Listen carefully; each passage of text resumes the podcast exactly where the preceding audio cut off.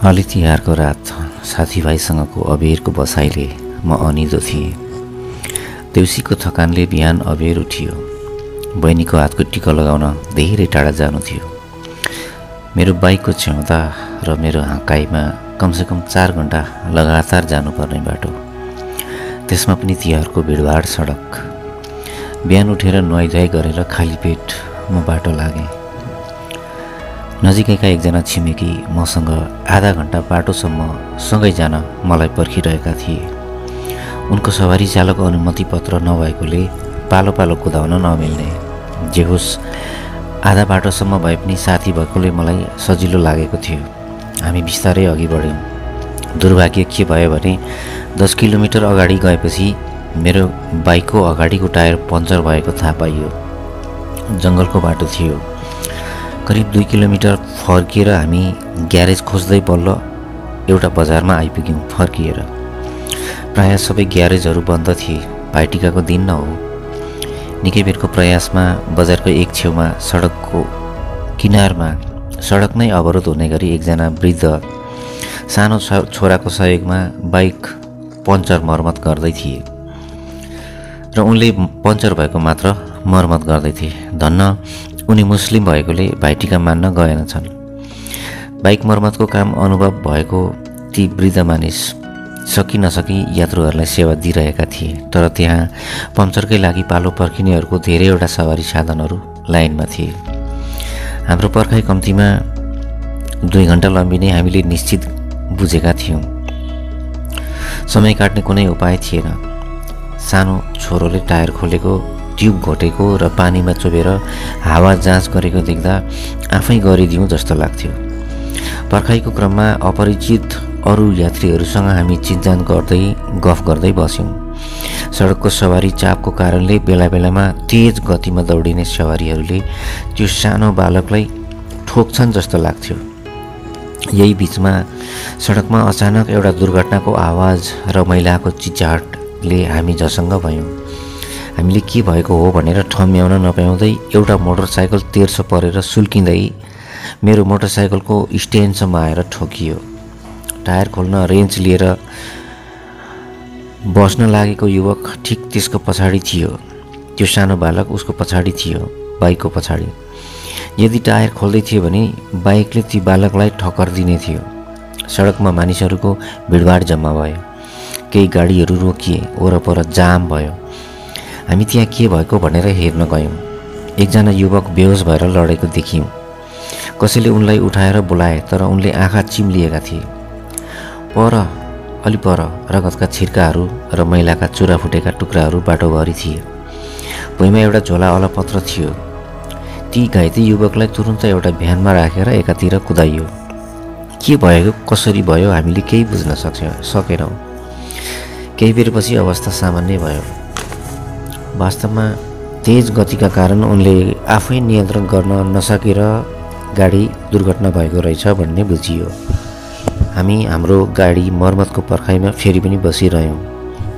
मलाई आजको दिन पक्क पनि असहज छ र आज अशुभ हुन्छ भन्ने सङ्केतको अनुमान भइरहेको थियो। बिहानै बाइक पङ्क्चर हुनु अलिकति यात्राबाट बिचैमा फर्किनु अनि फेरि यहाँ दुर्घटना हुनु हामीले पुग्नुपर्ने गन्तव्य धेरै टाढा थियो। मलाई नजाउँ कि जस्तो लाग्यो।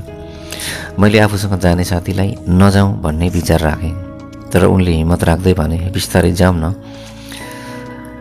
त्यसपछि आधा घन्टा हामीले पर्खिएपछि हाम्रो गाडी तयार भयो। हामी अगाडि बढ्दै थियौँ। एक घन्टाको यात्रा पार गरेपछि हाम्रो अगाडिको आकाश धमिलो देखियो। पानी पर्ने तयारी थियो तिहारको भाइटिकाको दिन। भाइटिकाको दिन बर्खा हुनु कसैलाई पनि अनुकूल थिएन। जति अगाडि गयो उति पानीको सम्भावना थपिँदै गयो। बिस्तारै मसिनो छिटा अलिक पर अलिक ठुला थोपा र बाक्लो बाक्लो पानी।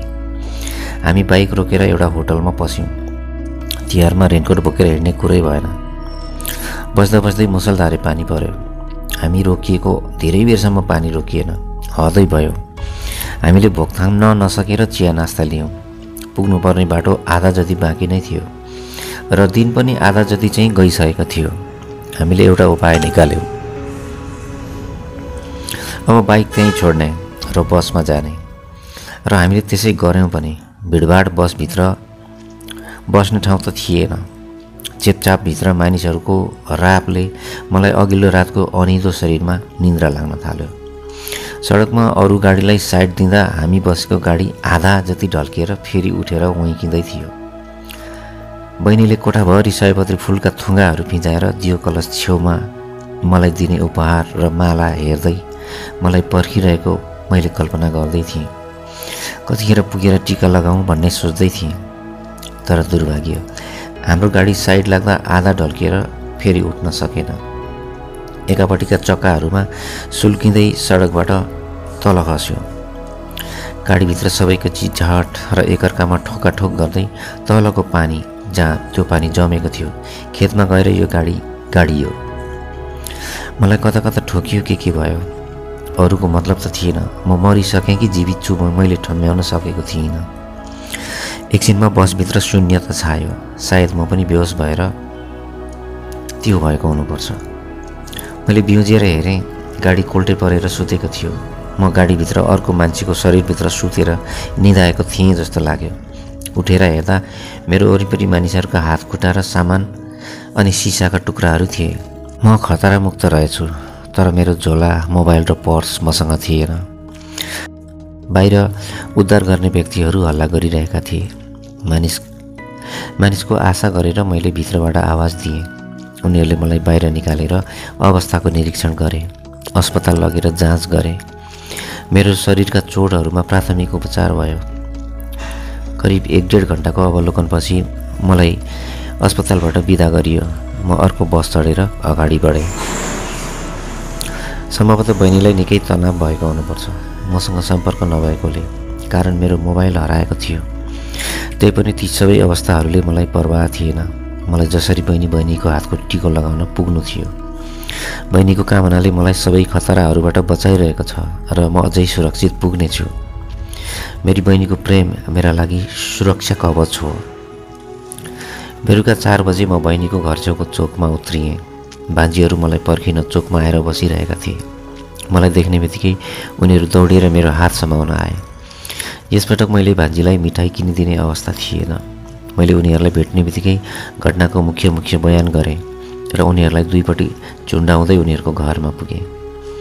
मेरो अवस्था देख्ने बित्तिकै बहिनीलाई आधा जति अवस्थाको अनुमान भइसकेको थियो।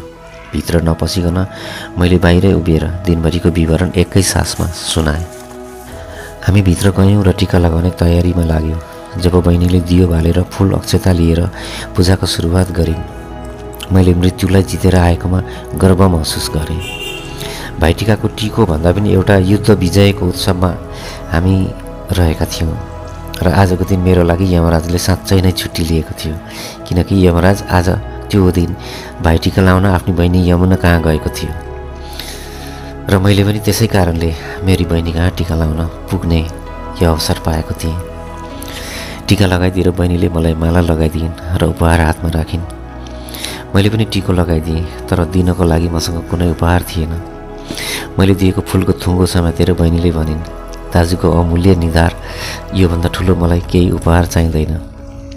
त्यस्तो दुर्घटनाको बिचबाट यो निधार र यो शरीर बचाएर ल्याउनु भएको छ। मलाई योभन्दा महत्त्वपूर्ण अरू कुनै उपहारको मतलब पनि छैन र महत्त्व पनि छैन। यसरी हामीले त्यो दिनको भाइटिका खुसीपूर्वक मनायौँ।